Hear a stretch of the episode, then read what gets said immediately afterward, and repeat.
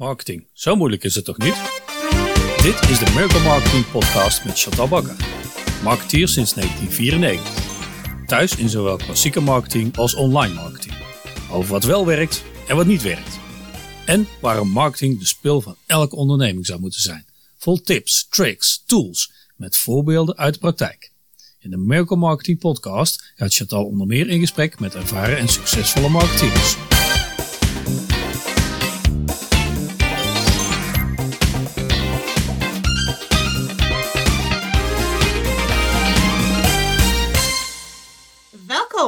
Een nieuwe Miracle Marketing Podcast. Vandaag heb ik te gast Evelien van Zeeland. Evelien houdt zich bezig met onderwerpen als design thinking, neuromarketing, leadership design, neurobranding, marketing design en last but not least, vertrouwen en innovatie.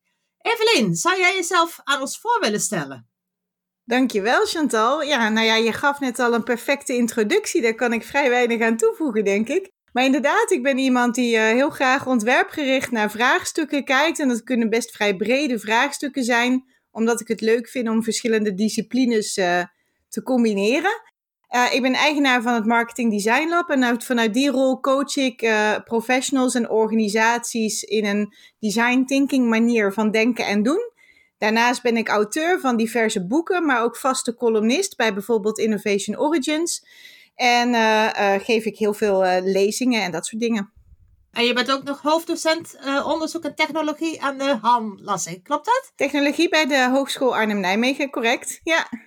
Um, Evelien, wat mij het meest intrigeerde en waarom ik jou heb uitgenodigd, is aan de ene kant jouw nieuwe boek. Um, en aan de andere kant het onderwerp design thinking. Ik uh, lees daar steeds uh, meer over. Het onderwerp komt steeds vaak aan bod, uh, in, althans in de marketingwereld, om het maar zo te noemen.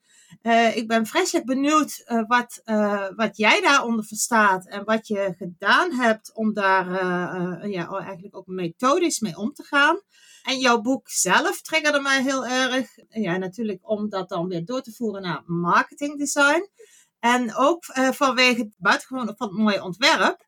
Uh, ik ben ook nog uh, boekwetenschapper van huis uit. En ja, dit is een prachtige oplong. Echt heel erg mooi opgemaakt. Dus daarvoor alvast mijn complimenten. Zou jij willen uitleggen wat, wat design thinking inhoudt?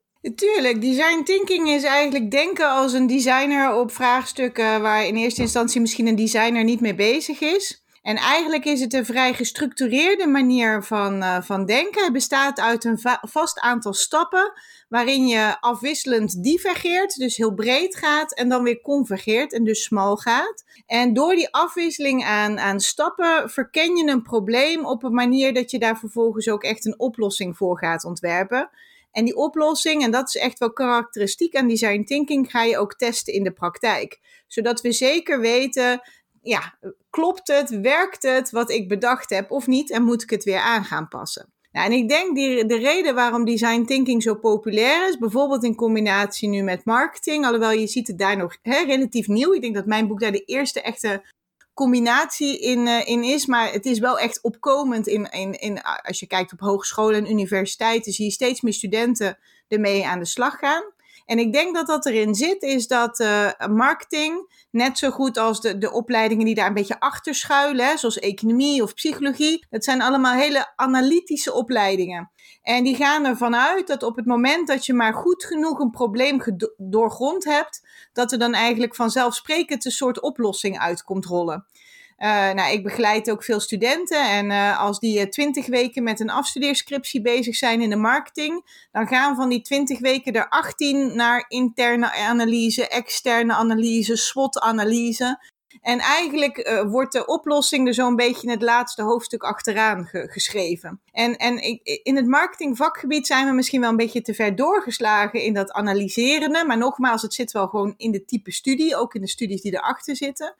En je ziet de laatste tijd ook in het marketingvakgebied, hè, is marketing analytics, de term zegt het al, is natuurlijk heel erg opkomend.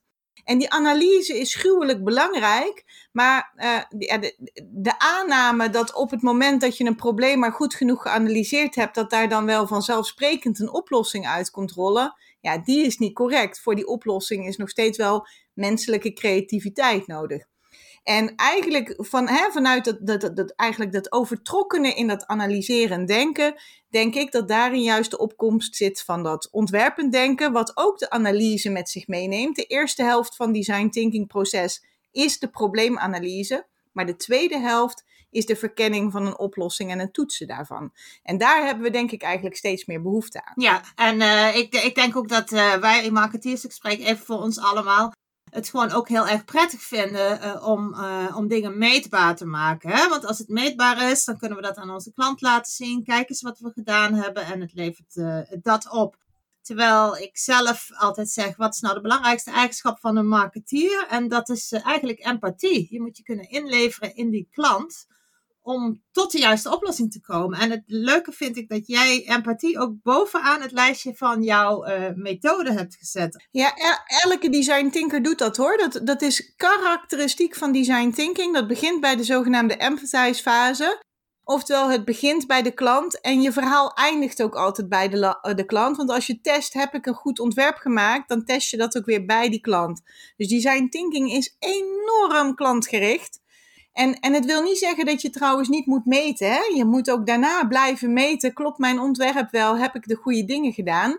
Alleen ik denk dat we niet de aanname moeten hebben dat bij meten alleen uh, we er komen in een goede marketing en visie, om het zo maar te zeggen. Nee, uiteindelijk gaat het om wat ze dan weer execution noemen. Hè? Je moet het ook gaan toepassen. Uh, en het is eigenlijk een, uh, ja, daar verkijkt de, mijn klant zich nog wel eens op. Het is een ongoing process, een never ending story uh, ja, wat maar door en door gaat. En dat, dat, dat meende ik ook bij jou terug te lezen. In dat verbreden, Zeker. en weer verbreden. En uh, um, ja, maar um, nou, misschien zou je nog wat meer over die methode willen vertellen. Want uh, we hebben het nu over die empathie gehad. Dan heb je nog vier, vier fases. Ja, inderdaad. Design thinking bestaat uh, standaard uit uh, vijf stappen. Sommige vatten die ook wel samen in vier stappen, maar de essentie is altijd hetzelfde. Het begint bij de zogenaamde empathize fase, waarin je dus echt gaat verdiepen in die klant, maar ook in de organisatie. Wat speelt daar nu allemaal? En dan ga je echt de breedte in. Dat is een divergerende fase.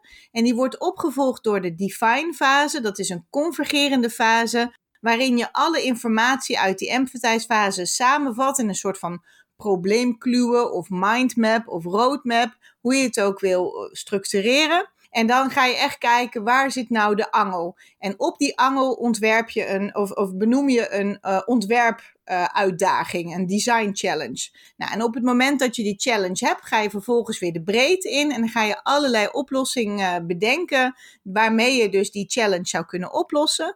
En vervolgens kies je er één of twee uit, maak je daarvan een prototype en test je die weer bij de klant.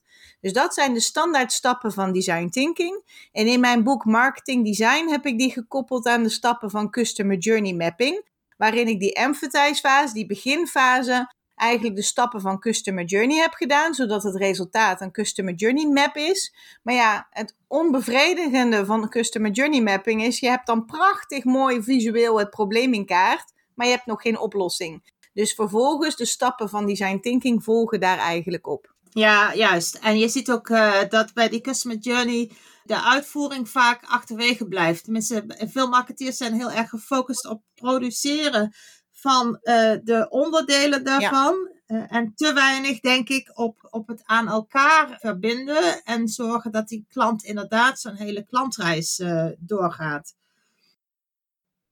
Dat en vooral ook die vraag. Ik merk dat gewoon als je er een heel mooi visueel plaatje van maakt. Hè, van kijk eens, hier gaat het goed, hier gaat het.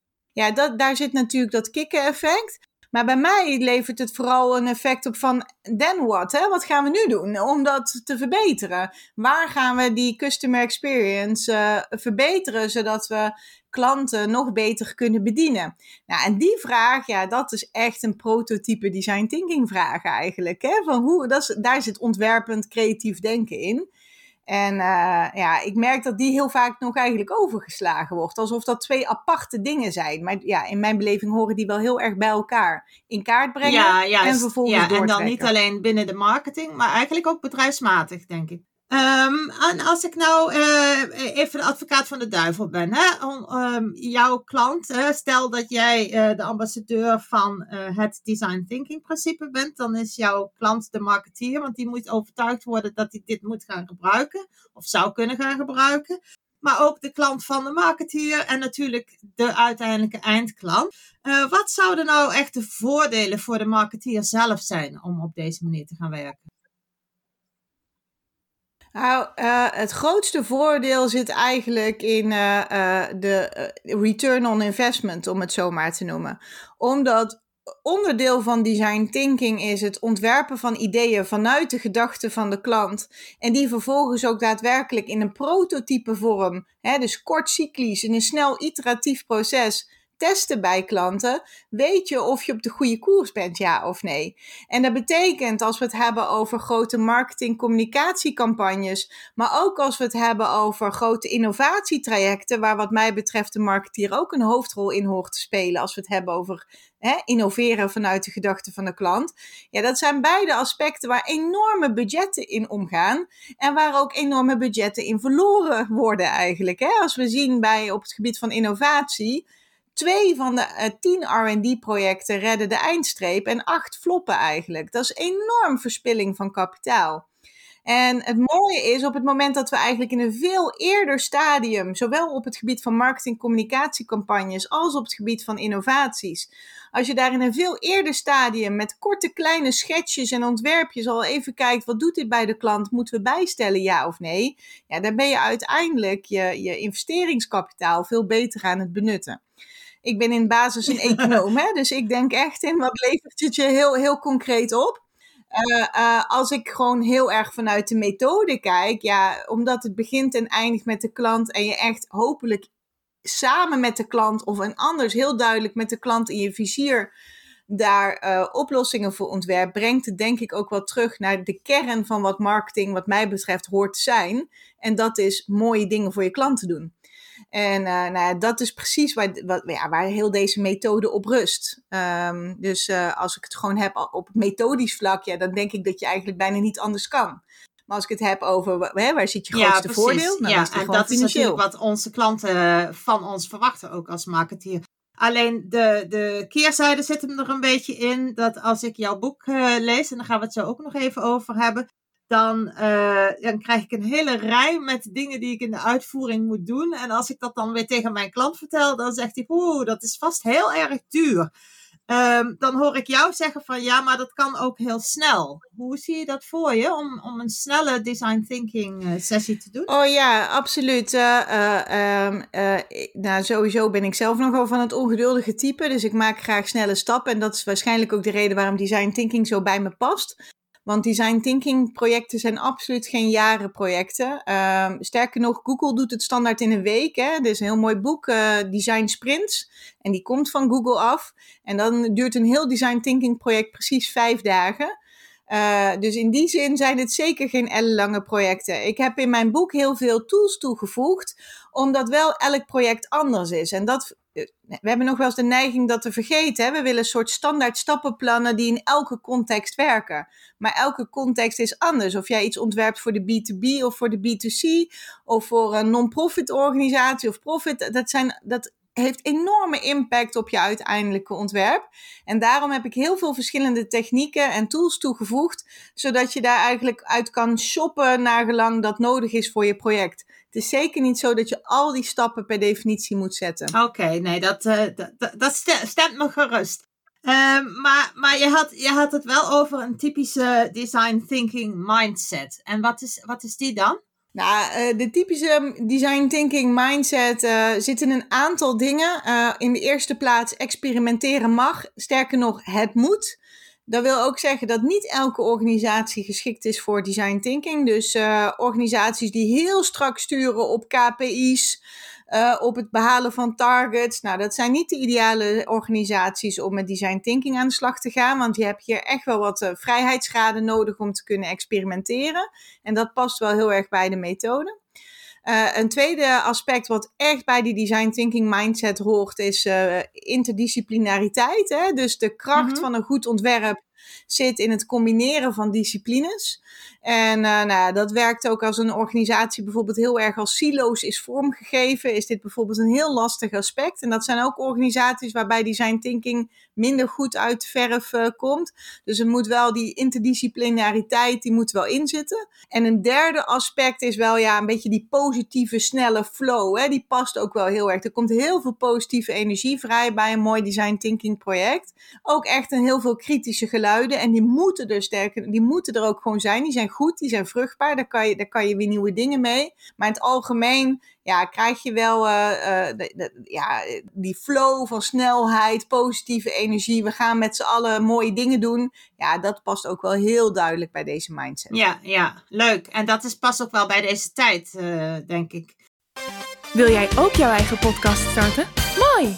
Dan heb ik een leuk aanbod voor jou. Als luisteraar van de Miracle Marketing Podcast krijg je twee maanden gratis podcast hosting. Ga naar springkast.fm en meld je aan. Om korting te krijgen gebruik je de kortingscode Miracle Marketing 024. Meer hierover vind je in de show notes bij deze podcast.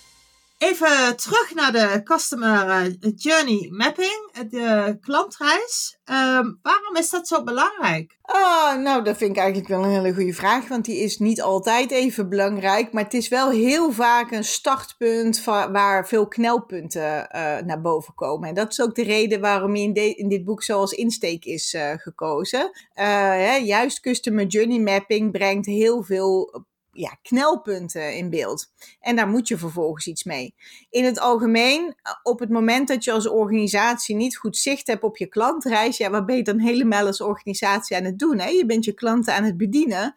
Dus het is wel belangrijk dat je, dat je zicht krijgt op hun beleving uh, gedurende verschillende fases dat zij met jou in contact staan. Ik denk wel dat elke marketeer dat van zijn klanten zou moeten willen weten. Ja, precies. Ik ben het ook helemaal met je eens hoor. Uh, alleen het gebeurt gewoon nog niet altijd. Of vaak uh, maar, maar te beperkt heb ik het idee. Dat ze te veel alleen maar op de P van promotie zitten. En alle andere marketingfacetten um, ja, nog laten liggen. Ik denk dat marketing ook veel eerder start uh, in, het, in het verhaal dan dan je vaak ziet. En dat dus eigenlijk ook die design thinking ook al veel eerder ingezet zou kunnen worden. Ja, absoluut. Eens. We, weet je, we, we, uh, sorry, we verwarren in de volksmond marketing nog wel met advertising. en daarom die P van promotie. En uh, advertising is echt wel een aparte discipline die vaak aangestuurd wordt door de marketingafdeling. En dat is de reden waarom we ze zijn gaan verwarren. Maar zoals ik net al zei toen ik het over innovatie had, wat mij betreft heeft de marketeer daar ook de hoofdrol in. Want als je niet aan het innoveren bent vanuit de geest van de klant, wat ben je dan precies wel aan het doen? En uh, ik denk, hè, en, en marketing, een goede marketeer gaat ook over vraagstukken van, goh, hebben wij hier partnerships bij nodig om die klant zo optimaal te bedienen? Of kunnen we dat helemaal zelf? En dat soort vragen horen hier ook thuis. Dus ik ben het helemaal met je eens dat marketing veel vroeger in het proces zit en dus ook dat ontwerpen denken. En uh, um, ik zie wel trouwens ook wetenschappelijk, hè, want ik uh, ben ook voor een groot deel heel erg bezig met wetenschap. En uh, als je nu bijvoorbeeld kijkt naar Journal of Marketing, hè, dat is het triple A magazine in de wetenschap. Daar komen de aller, allerbeste onderzoeken die er zijn.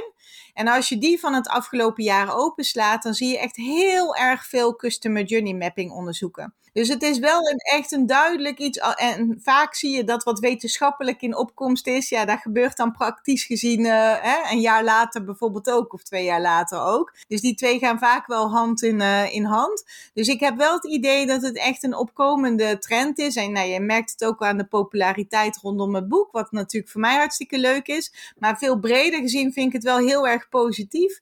Dat gewoon zo kijken naar de experience van de klant. Hè, want dat is wat Customer Journey Mapping in essentie is. Sommigen zien het nog een beetje als tevredenheidsonderzoek, maar dat is het zeker niet. Het zit echt op die, op die experience van die klant. Ja, dat daar steeds meer aandacht naar uitgaat. Ja, ik denk dat dat wel echt een trend is die we de komende jaren nog verder door uh, zien zetten. Ja, en ik ervaar het zelf ook een beetje als de vervanging van uh, de twee losse disciplines uh, marketing en sales, maar meer de samenwerking van, die, van die twee. En dan ook nog met daarop volgend de servicekant binnen een organisatie. Ja, het is wel grappig dat je dat zegt. Want nou, eh, dit jaar mocht mijn boek de PIM Marketing Literatuurprijs winnen. Maar als je kijkt welk boek uh, vorig jaar genomineerd was, dan was dat ondertussen uh, inderdaad een, boek die sales en marketing en communicatie met elkaar verbond. En nou, zoals ik net ook al zei, vanuit die design thinking gaat het veel meer over de combinatie en de interactie van disciplines dan die dingen zuiver uit elkaar zien. Uh, dus ik zie ook dat heel erg als, een, als processen die met elkaar in verbinding dienen te staan. Ja, juist, want die, voor die klant is het ook e-, één. Hè? Je, bent, je, je, je doet zaken met één merk of één bedrijf ja. en, en niet met die afdelingen, zeg maar. Um, en, en ja, dan, dan heb, heb ik nog een onderwerp waar, waar ik erg nieuwsgierig naar was hoe jij daarover uh, denkt. En dat is dat stukje context. Dat heb je net ook al even aangeraakt. Ja. Het uh, belang van context. Uh, ik krijg heel vaak van, van klanten de vraag uh, oh, hoe doe je dat dan? En dan verwachten ze stand te pleden dat ik uh, met het gouden ei aan kom zetten. dan zeg ja. ik, oh, stop, dat gaat niet. en dat is dan die context, hè? Um, ja. Hoe zie je dat binnen dit verhaal? Nou ja, um, enorm groot. Hè? Design thinking begint met de context. Je moet je voorstellen, een architect, hè? een, een uh, design thinker puur zang natuurlijk. Op het moment dat die een gebouw gaat bouwen, dan gaat hij eerst kijken naar het lapje grond. Gaat hij kijken hoe de zon draait. Gaat hij kijken waar de weg ligt. Hè? Gaat hij kijken wat is de omgeving. En bouwt hij een huis die in die context zo mooi, goed mogelijk tot zijn recht komt. En als je bijvoorbeeld kijkt naar hè, de grootmeester Rembrandt van Rijn hoe hij zijn schilderijen maakte. Als je kijkt naar de Nachtwacht en als je kijkt naar de anatomie uh, schilderij wat in het Mauritshuis hangt, die hebben allebei een heel vreemd perspectief, omdat hij al van tevoren eerst in het gebouw ging kijken uh, uh, waar komt het schilderij te hangen? Via welke deur komen mensen uh, dus binnen en voor het eerst in aanraking met dit schilderij? Dan moet ik het perspectief zo schilderen dat ze vanuit dat perspectief dus het schilderij het mooiste zien. Dus we zien dat kunstenaars doen, we zien dat architecten doen, maar op de een of andere manier, als ik kijk naar marketeers, dan is het net alsof context geen variabele is. Wat ik dus heel vreemd vind, want in elke manier van ontwerpen en denken begint het eigenlijk bij de context. En ik merk, ik geef heel erg veel lezingen. Standaard krijg ik bij elke lezing het verzoek: geef even drie standaard tips waar, de, waar iedereen morgen mee aan de slag kan krijg ik bij elke lezing, ook als ik die geef over neuromarketing. Alsof daar zomaar tips zit waar je zomaar even morgen mee aan de slag kan. En ik probeer echt wel uh, praktisch te zijn, want ik vind enorm van belang dat iemand praktische waarde aan iets heeft. Maar we zijn wel te veel aan het denken in generieke tip, tips die voor iedereen maar werken. Als dat is hoe de wereld werkt, ja, dan hebben we al, hadden we al lang het gouden ei bedacht, zeg maar. Hè? Het feit dat er geen gouden ei is, ook niet als je het hebt over wat voor content viraal gaat, bijvoorbeeld. Hè? We, we weten wel wat werkt en niet werkt, maar in elke context is dat weer lichtelijk verschillend. En, en dat maakt het ook zo leuk, hè? Om binnen een context uh, het mooiste te kunnen doen, of dat wat het leukste aanslaat. En die context die vergeten we. Als je nu een marketingboek openslaat, maakt niet uit welke, die context wordt bijna niet belicht. Wat heel vreemd is, want een marketeer handelt altijd binnen een context. En als je die goed in kaart hebt, dan weet je ook van wat binnen die context werkt. Hè? Precies zoals Rembrandt dus in zijn ruimte keek, hoe komen mensen binnen? En mijn schilderij moet het mooist overkomen binnen de context van die ruimte waar dat schilderij gaat hangen. Nou, dat type denken vind ik heel erg belangrijk. En ja, daar komt misschien ook wel een beetje mijn, mijn wetenschappelijke kant uh, terug. Uh, uh, uit wetenschappelijk onderzoek, wetenschapper hoor je heel vaak het antwoord geven: it depends. Hè? Het hangt af van de situatie. En uh, een wetenschapper durft niet zo snel te zeggen: dit is een ultieme waarheid, maar die zal altijd zeggen: in de context van deze studie heb ik dit en dit en dit gevonden. Nou, ik denk dat daar wel een charme in zit, die we best wel wat breder mogen pakken en ook waar we onszelf in mogen trainen. Als we nou eens eerst een goede contextanalyse doen, voordat we met een ontwerp komen, is de kans gewoon groter dat het een succes wordt. En het is wel heel leuk om daar bedrijven, maar ook studenten, ja, heel erg in te trainen. Ja, ik, ik, ik ben heel erg blij met je toevoeging. Want het is bijna een kopie van wat ik zelf altijd zeg. Dat je niet moet vergeten dat een wetenschapper altijd eerst de axioma's uh, definieert. En, en daarbinnen pas iets uh, eigenlijk ook maar voor tijdelijk uh, als waarheid ziet. Hè, totdat het ja. tegendeel bewezen is. Ja, dus uh, ja, leuk. Um, en, en nou ga ik even naar jouw boek. Jouw boek uh, heet dus, of jouw tweede boek, jouw eerste boek heet het basisboek Neuromarketing. Jouw tweede boek heet Marketing Design. Kan ik zeggen dat dat een studieboek is of een doe-het-zelf boek? Voor wie heb je het geschreven? Uh, nou, het boek is, uh, is eigenlijk echt geschreven voor de praktijk. Uh, en nou, ik begeleid heel erg veel studenten en ik zie die studenten dat natuurlijk ook gebruiken. Daarom zitten er ook zoveel praktische handvaten in. Maar het is zeker ook voor de marketing professional uh, ja, daarop gericht. Ik vind het altijd prettig om een soort van managementboek, businessboek te schrijven. Waar ook een stevige educatieve component in zit. En dat doe ik bij allebei mijn boeken. Dus ik zit altijd op het snijvlak van studieboek en uh, managementboek. Ja, dat intrigeert me ook wel aan jou. Hè? Je bent wat dat betreft wel een vreemde eend in de bijt. Dat je ook die wetenschap daar nog bij inbrengt. Ja. Dat, ja, dat vind ik echt heerlijk. Um, en, en ik denk ook wel dat dat je kracht is. Dat je het uh, vanuit die kant ook anders beschrijft. Dan iemand die alleen maar vanuit het werkveld uh, uh, met marketing, of in dit geval design thinking, bezig is. er zijn nog twee termen waar ik het heel graag even kort met je over wil hebben. En dat is het woord neuromarketing. Ik heb jou leuke anekdotes horen vertellen daarover in een webinar dat ik gevolgd heb.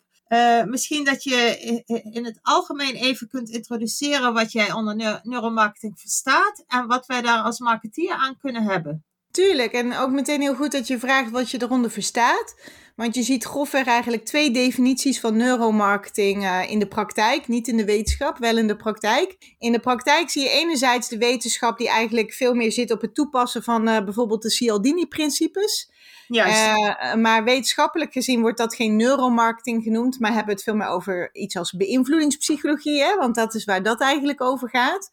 Neuromarketing is het inzetten van neuro-onderzoeksmethoden zoals eye-tracking, EEG, fMRI, om uh, op marketing gerelateerde vraagstukken. Dus eigenlijk om het brein van de klant te doorgronden. Dan, dan, dan meet je echt de fysieke reactie op, uh, op, op een marketinguiting? Exact. Je, je meet een lichamelijke reactie bij een klant. En dat kan dus zijn in de hersenen. Hè? Dat is nog een belangrijk onderdeel van het lichaam natuurlijk. Maar het kan ook zijn in de huid, of vanuit de ogen, of vanuit de hartslag. Je meet dus inderdaad een lichamelijke fysieke reactie op een marketingprikkel. Uh, en uh, probeert vanuit die lichamelijke reactie daar een psychologische duiding aan te geven. Hè? Dus op het moment dat het hart sneller gaat slaan, wat betekent dat dan? Is dat meteen een heel slecht voorbeeld? Want juist bij het hart weten we het niet. Maar bij hersenactiviteit weten we het wel. En bij transpiratiezweet op bepaalde plekken op de huid weten we ook wat dat betekent.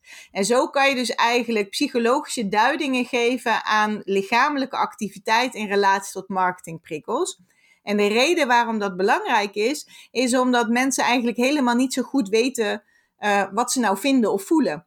Hè, wij weten wel heel goed wat we denken. We zijn een kei in het verzinnen van argumenten. Maar die argumenten die matchen niet altijd bij ons zogenaamde onderbuikgevoel. Nou, dat onderbuikgevoel zit niet in je buik, dat zit gewoon in je hersenen. En in je hersenen kan je die activiteit meten. Dus het, het is vooral gericht, als je kijkt naar um, uh, de vier dingen die je op marktonderzoek kan doen. Hè? Denken, voelen, uh, um, denken, voelen en voorspellen en willen dus. Dan zit, dan zit neuromarketing vooral op die voelen en willen kant. En, en zou je andere onderzoekstechnieken vooral kunnen gebruiken op het doen en denken kant. Hè, doen kan je gewoon kijken door te kijken wat doen mensen op websites of wat doen mensen in een winkel. En denken, nou dat doen we, zijn al onze surveys en interviews die we met klanten doen heel erg voor geschikt.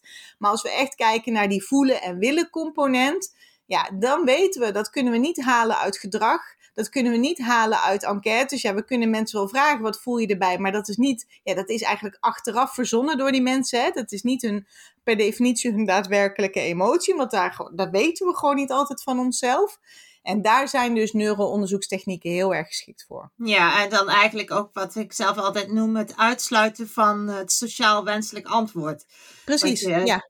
ja. Ja. Maar het is niet alleen het sociaal. Eh, kijk, het speelt heel stevig op sociaal wenselijke antwoorden. Maar we weten vooral dat mensen niet echt rationeel zijn, maar veel meer postrationeel. Oftewel, we bedenken argumenten achteraf. Je ziet dat heel erg als mensen bijvoorbeeld iets in de aanbieding hebben gekocht. Als ik ergens een leuke uh, een jurkje heb gekocht of een leuk stel nieuw paar schoenen, dan zeg ik tegen mijn man heel vaak als argumentatie, en dit is vast herkenbaar, ja, hij was in de aanbieding. ja. Alsof dat een perfecte argument is om het te kopen. En, maar dat is typisch een voorbeeld van postrationalisatie. Ik geef een argument achteraf, ja, hij was in de aanbieding, dus ik kon hem best kopen. Maar dat was helemaal niet de initiële prikkel. Hè? Ik ben op iets anders aangegaan. En we zien dat uit meerdere aspecten, dat mensen het heel erg moeilijk vinden om hun daadwerkelijke argumenten, die, die, heb je, die zitten zo in het diepste van je brein, dat weet je niet eens met je volle verstand. Dus gaan mensen achteraf allerlei verklaringen geven. En nou, dat is dus de reden waarom uh, ik, als we het hebben, als we het hebben over motieven en, en, uh, en behoeften, ja, dan geloof ik nooit zo in uh, kwantitatief of kwalitatief onderzoek. En dan denk ik dat neuroonderzoek een hele mooie extra tool is in die toolbox van de marktonderzoeker. Ja, ik denk inderdaad ook extra. En, en hoe pas je dat nou als marketeer toe? Want uh, gemiddelde marketeer heeft geen onderzoeksbureau of wetenschapper bij de hand. Ja, ik denk dat die toegang eigenlijk eh, voor de hand liggender is dan sommige mensen zelfs denken. Ja? Ik bedoel, uh, elke universiteit heeft uh, tegenwoordig een heel mooi onderzoekscentrum waar bijvoorbeeld zo EEG is. En universiteiten zitten heel vaak te smachten om mooie praktijkvoorbeelden. Hè? Je ziet in de wetenschappen enorme transitie naar waar komt, waar, dat, naar de focus op meer maatschappijgerichte vraagstukken. Dus vaak zitten wetenschappers juist te springen om mooie praktijkvraagstukken. Uh, maar ja, de connectie is er gewoon niet tussen de wetenschapper en de praktijk. Nee. Los daarvan zijn er ook gewoon heel veel echt goede neuromarketing onderzoeksbureaus, juist in Nederland. Wij zijn best wel koploper op dat vlak. En uh, er zijn echt best wel een paar mooie bedrijven uh, waar mensen werken die ook wetenschappelijk veel kennis van hebben hoe ze dit soort onderzoeksresultaten moeten duiden. En ja, die toegankelijkheid is eigenlijk groter dan je in de eerste instantie zou denken. Het hoeft ook helemaal niet per se duur te zijn. Hè? Ik heb hier zelf een EEG-set op mijn kamer staan, gewoon hier in mijn werkkamer. En uh, ja, daar heb ik een paar honderd euro voor betaald. Kosten zitten niet per definitie in de techniek, maar veel meer in de analyse. En een enquête kan je zo uitzetten onder duizend mensen. En dan kan je zo huppakee een SPSS runnen. En dan heb je fantastisch meteen een analyse van al die duizend mensen tegelijkertijd. En dat is het lastige en het duurdere aspect van neuromarketing als je goed onderzoek wil doen, dan moet je daar wel in investeren. Kijk, je hebt tegenwoordig ook al wat gratis appjes. Dat moet je niet doen. Je hebt wel goede apparatuur nodig. Maar dat is nog niet eens de grootste hoorde. De hoorde is dat individu voor individu er een analyse moet, uh, moet plaatsvinden. En daar zitten eigenlijk de kosten. Tegelijkertijd zien we wel dat neuroonderzoek met veel minder mensen plaatsvindt dan met bijvoorbeeld een surveyonderzoek. Maar ja, dat, daar ben ik dan inderdaad nieuwsgierig naar. Want hoeveel mensen zou je minimaal nodig hebben om daar een uh, enigszins uh, verantwoorde conclusie aan te verbinden? Ja, dat weten we nog niet exact. En je ziet wetenschappelijk dat daar de studies ook echt nog wel over verschillen. Dus daar heb ik geen, geen sluitend antwoord op. Maar als je kijkt naar wat de meeste onderzoeksbureaus en wetenschappelijk onderzoek op dit gebied uh, doen, dan is dat ergens een aantal tussen de 15 en de 30. Ja, oké. Okay. Zoiets heb ik inderdaad ook gelezen, zo rond de 15. Dat je dan gaat merken dat de uitslagen steeds ongeveer hetzelfde zijn. En uh, dat het niet zoveel ja. zin meer heeft ja. om er meer te testen. Nee, nee. Dus de, ja, dus de meeste onderzoeken zitten rond die koers. Dus dat is een goede graad met. En dan valt dus heel erg mee. Dat is niet zo heel erg. Nee, ja. dat is best te doen. Want ik zat eraan te denken, je moet natuurlijk eerst die mensen ook weer gaan werven. Hè? Dus dan ben je mensen aan het werven, als een soort van marketing aan het doen om uh, te testen. Maar goed, eh, ik, ik uh, hoorde een, een ander leuk bruggetje naar iets waar jij in hebt verdiept. En dat is het creatieve brein. En wat we natuurlijk nodig hebben voor dat design thinking. Op het moment dat we die brainstorm sessie hebben. Ik denk dat, ja, dat we daar allemaal bij onszelf wel een idee van hebben. Ik ben wel of niet creatief. Misschien kan je daar nog even kort wat over vertellen. Nou, dat is wel een grappige, want de vraagstuk ik ben wel of niet creatief, ik, vind, ik, ik zeg dat ook altijd tegen iedereen. Ik ben bijna blijven zitten op uh, handenarbeid en tekenen en gym. Uh, dat waren drie vieren op mijn rapport in Atheneum 3 en ik was officieel een bespreekgeval. Oftewel, als het gaat om creatief zijn, zoals hè, je met handenarbeid en tekenen moet zijn, ben ik dat Absoluut niet. Maar creatief brein is iets heel anders. Hè? Een creatief brein bedenkt oplossingen voor dingen waar geen oplossing voor de hand ligt. En dat is dus iets anders dan creativiteit. En die twee dingen worden wel heel vaak met elkaar uh, verwisseld. Hè? Dus uh, als, mensen aan, als mensen mij zien aankomen met design thinking, dan denken ze: oké, okay, dan gaan we met allemaal stickertjes en kleurtjes en dat soort dingen aan de slag. en, en die heb ik inderdaad vaak wel bij me. Niet altijd hangt, nogmaals, dat hangt heel erg af van de context waarmee, met, van de mensen waarmee ik aan de slag ga. Uh, maar uh, niet met als doel inderdaad om echt puur die creativiteit te stimuleren, maar puur met als doel om oplossingen te bedenken waar geen voor situaties waar geen oplossing voor de hand ligt. En dat is dat creatieve brein.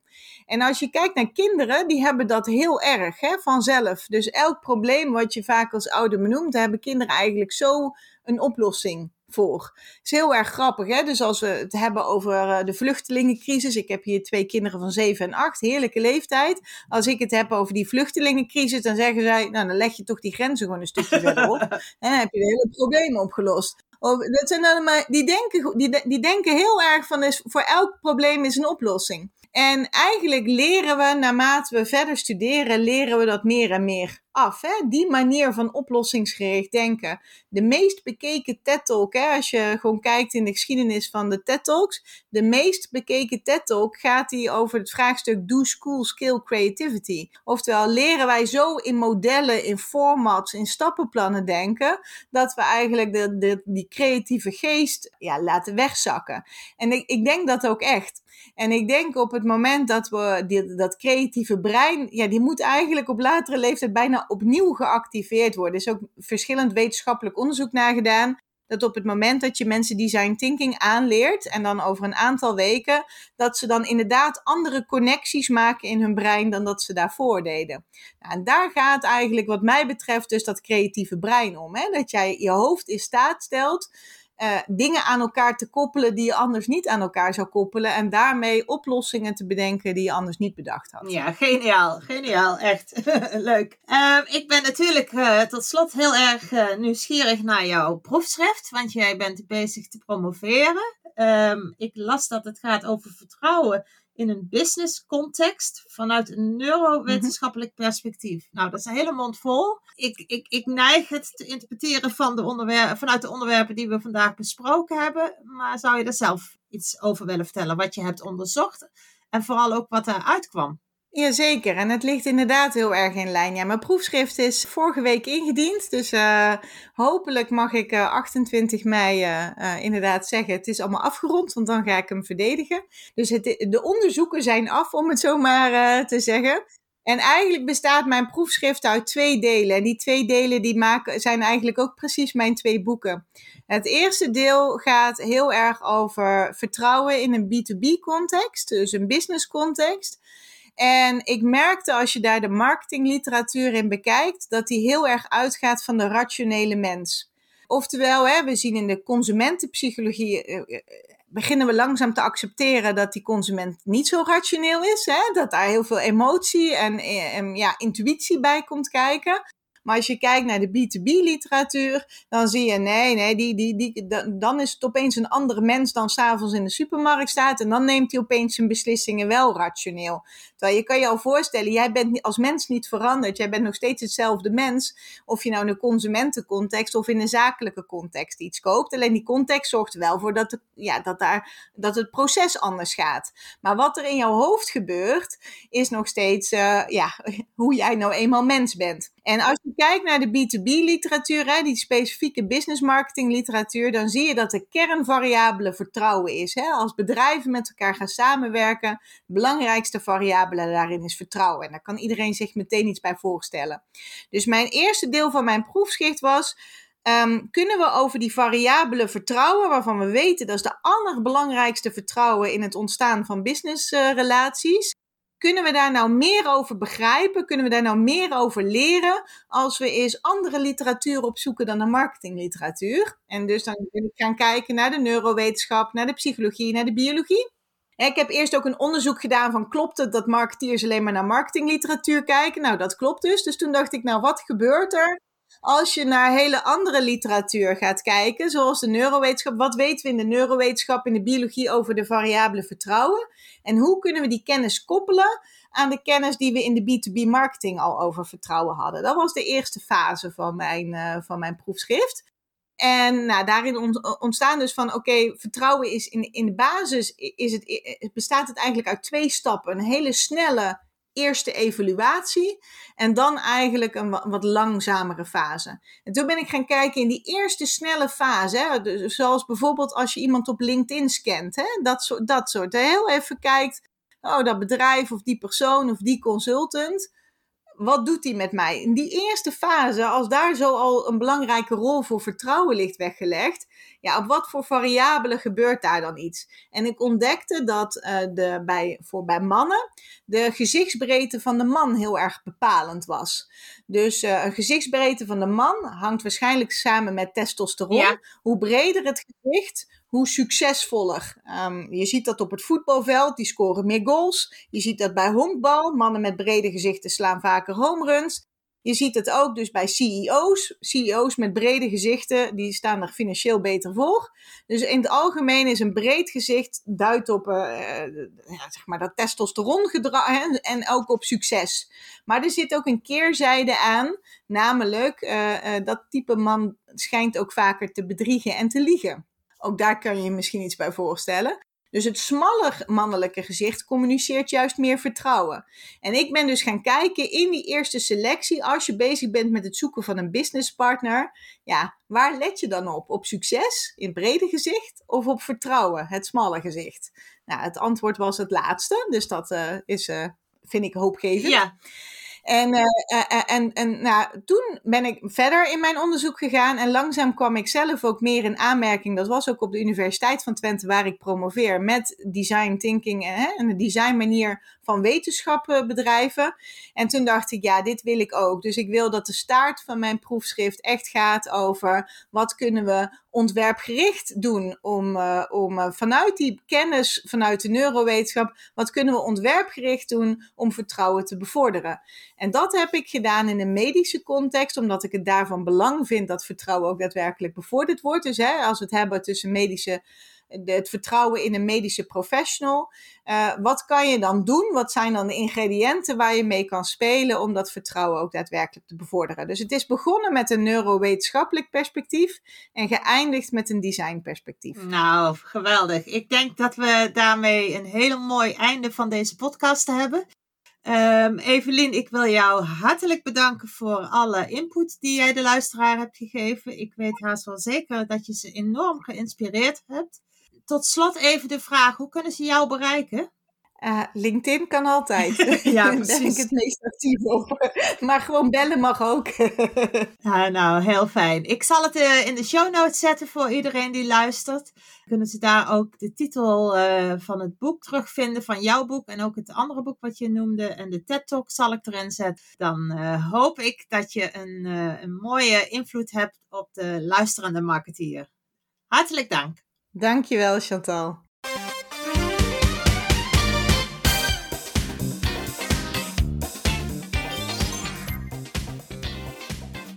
Nou, dat was een hele innoverende Miracle Marketing podcast. Uh, Evelien heeft ons enorm veel nieuwe inzichten gegeven waar we denk ik allemaal heel veel aan kunnen hebben.